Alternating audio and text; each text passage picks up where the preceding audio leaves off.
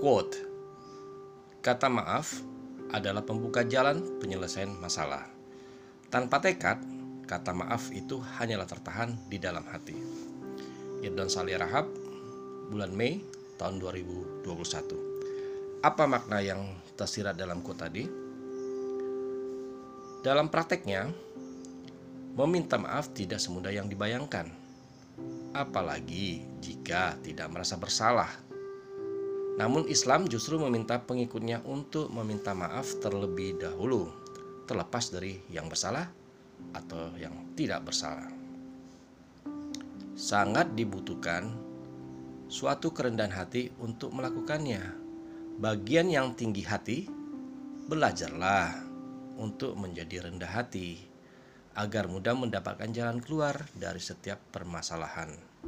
Lakukan dengan hati yang tulus, dengan membuang rasa gengsi.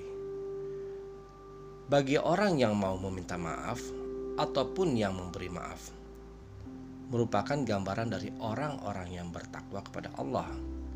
Jika perbuatan tersebut semata-mata untuk mencari ridha Allah Bergegaslah, jangan ditunda. Kalau punya kesalahan pagi, jangan nunggu siang. Khawatir nanti sore sudah menjadi mayat. Jangan menunggu bulan Ramadan. Khawatir malaikat maut akan datang duluan. Allahumma ya Allah, ampunilah seluruh dosa kami.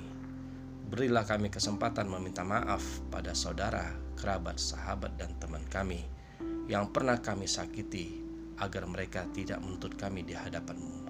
Amin. Ingat dua hal dan lupakan dua hal. Lupakanlah kebaikanmu kepada orang lain dan lupakanlah kesalahan orang lain kepadamu. Semoga bermanfaat. Assalamualaikum warahmatullahi wabarakatuh.